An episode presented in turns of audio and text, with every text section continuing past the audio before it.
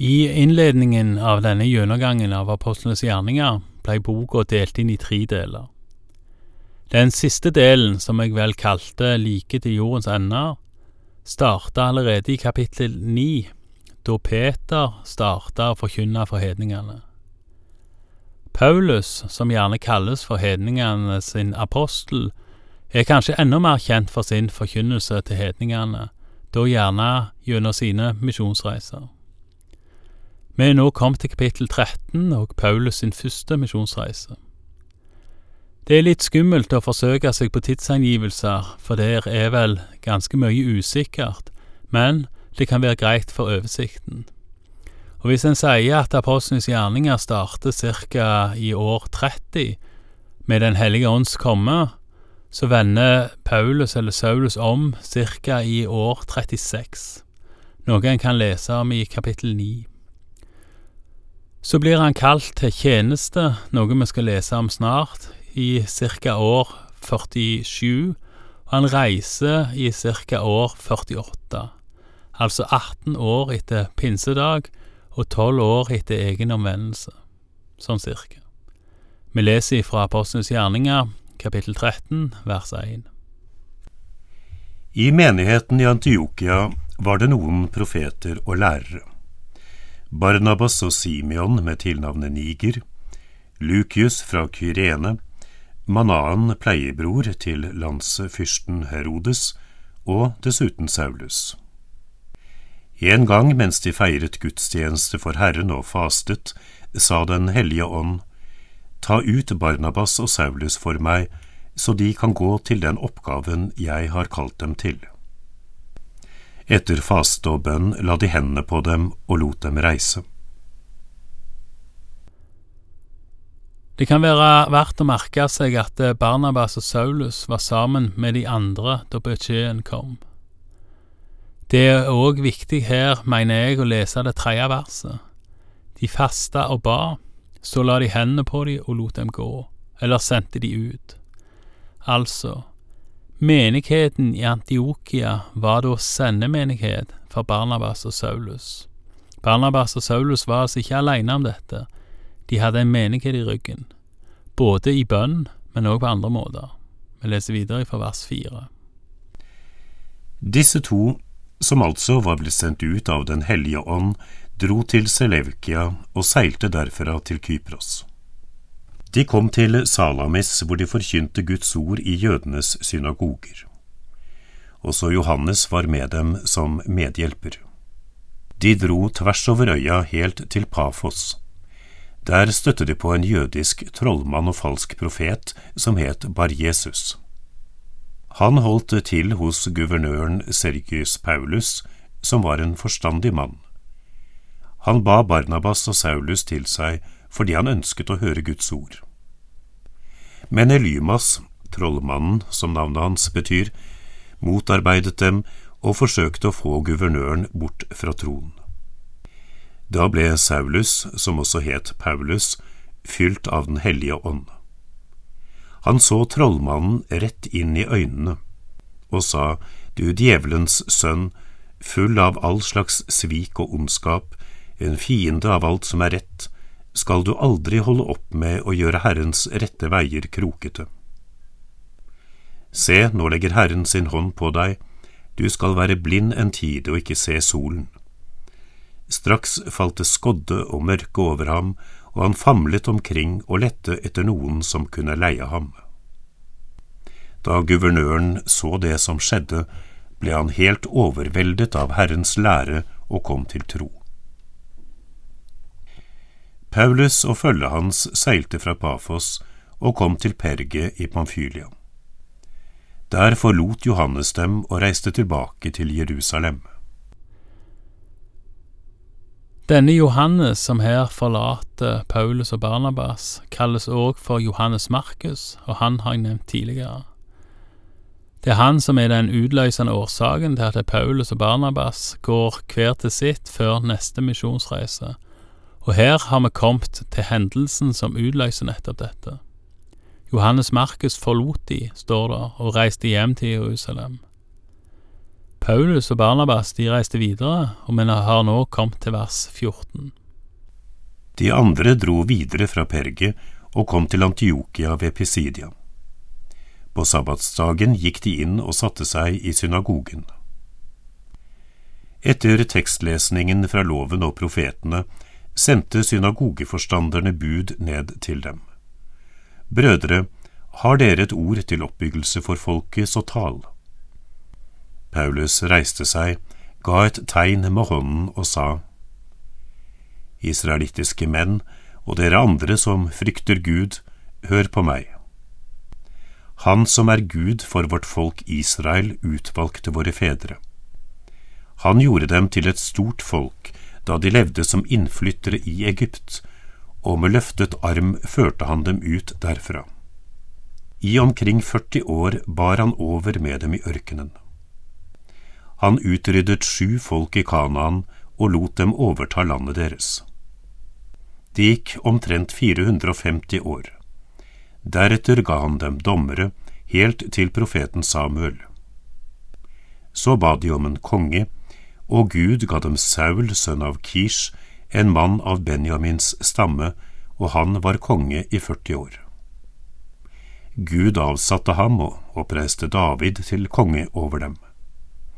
Han fikk dette vitnesbyrdet av Gud. Jeg har funnet David, Isais sønn, en mann etter mitt hjerte, en som skal utføre alt det jeg vil.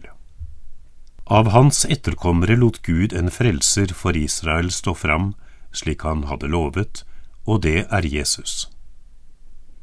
Før han trådte fram, hadde Johannes forkynt omvendelse og dåp for hele Israels folk. Da Johannes fullførte sitt livsløp, sa han, Jeg er ikke den dere tror jeg er, men etter meg kommer det en som jeg ikke er verdig til å løse sandalremmen for. Her forteller Paulus jødene sin historie i korte trekk ifra Abrahams si tid og heilt til døyperen Johannes. Paulus og Barnabas var jo i synagogen blant israelittene og de ville vise dem at Jesus var Messias. Han fortsetter, med å lese videre fra vers 26 om Jesus. Brødre, dere som er av Abrahams ett, og dere andre blant oss som frykter Gud. Det er til oss ordet om denne frelsen er blitt sendt. For verken de som bor i Jerusalem eller lederne deres forsto hvem han var. De dømte ham og oppfylte dermed profetordene som blir lest opp hver sabbat. De kunne ikke finne noe grunnlag for dødsdom, men likevel ba de Pilatus om å henrette ham. Og da de hadde fullført alt som står skrevet om ham, tok de ham ned fra treet og la ham i en grav. Men Gud reiste ham opp fra de døde, og han viste seg i mange dager for dem som hadde fulgt ham fra Galilea opp til Jerusalem. De er nå hans vitner for folket. Og nå forkynner vi det gode budskapet for dere, at det løftet som ble gitt til fedrene, det har Gud oppfylt for oss som er barna deres, da han reiste opp Jesus. Slik står det også skrevet i andre salme, Du er min sønn, jeg har født deg i dag. Men at han reiste ham opp fra de døde, så han aldri skal gå til grunne, det har han sagt slik. Jeg vil la dere få løftene til David, de som står fast. Og et annet sted sier han, Du skal ikke la din hellige se forråtnelse. David var en tjener for Guds plan i sin levetid. Så døde han og ble forent med sine fedre, og han så forråtnelse. Men han som Gud reiste opp, så ikke forråtnelse. Og nå skal dere vite, brødre, at ved ham blir tilgivelse for syndene forkynt dere. Det Moseloven ikke kunne frikjenne dere for, det skal enhver som tror bli frikjent for på grunn av ham. Pass dere så ikke det profetene har sagt skal hende med dere. Se, dere som er fulle av forakt, dere skal undre dere og bli til intet. for en gjerning skal jeg gjøre i deres dager, en gjerning dere ikke ville tro om dere fikk den fortalt. Da de gikk ut, ble de oppfordret til å tale mer om dette neste sabbat. Og da forsamlingen løste seg opp, var det mange som fulgte dem, både jøder og gudfryktige proselytter. Paulus og Barnabas talte med dem og la dem på hjertet at de måtte holde fast ved Guds nåde. Et av kjennetegnene med Paulus sin forkynnelse, som nok vi kan lære mye av i dag, er at han alltid visste hvem han forkynte til, og han tilpassa deretter. Han tilpassa ikke budskapet sånn at han snakket folk etter moen, men han tilpasset hvordan han vinkla budskapet, og ikke minst hvor han starta, hva han tok for gitt at de kjente til, og hva som måtte forklares.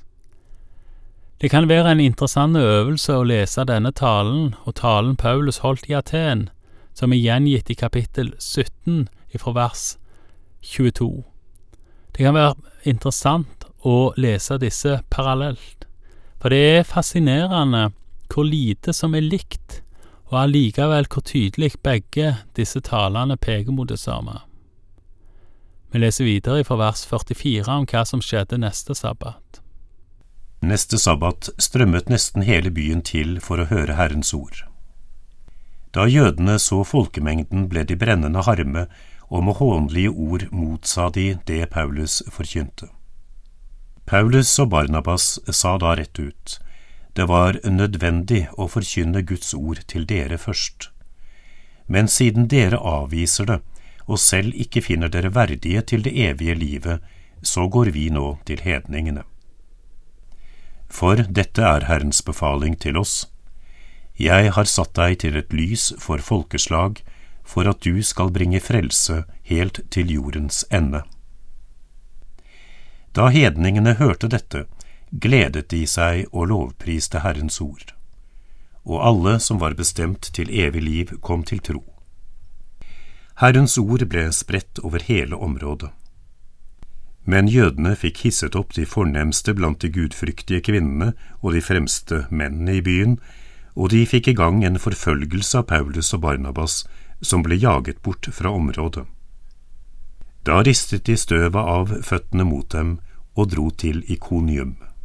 Men disiplene ble fylt av glede og Den hellige ånd. Paulus og Barnabas har nå forsøkt å forkynne for jødene, og de har blitt avvist, og de har gått videre til hedningene. Jeg mener det ikke må forstås som noe allment påbud om å oppgi forkynnelse for jødene, altså det er ikke et argument for det som kalles for erstatningsteologi, mener jeg. For Jesus' sendelse var til Jerusalem og helt til jordens ender. Jerusalem, altså jødene, er så langt jeg kan forstå, altså ikke erstatta. Men løftet om frelsen er utvida, utvida til òg gjelde hedningene. Og det skal vi som stammer fra hedningefolk være veldig, veldig glade for, tenker jeg. Takk for i dag, og Herren være med deg.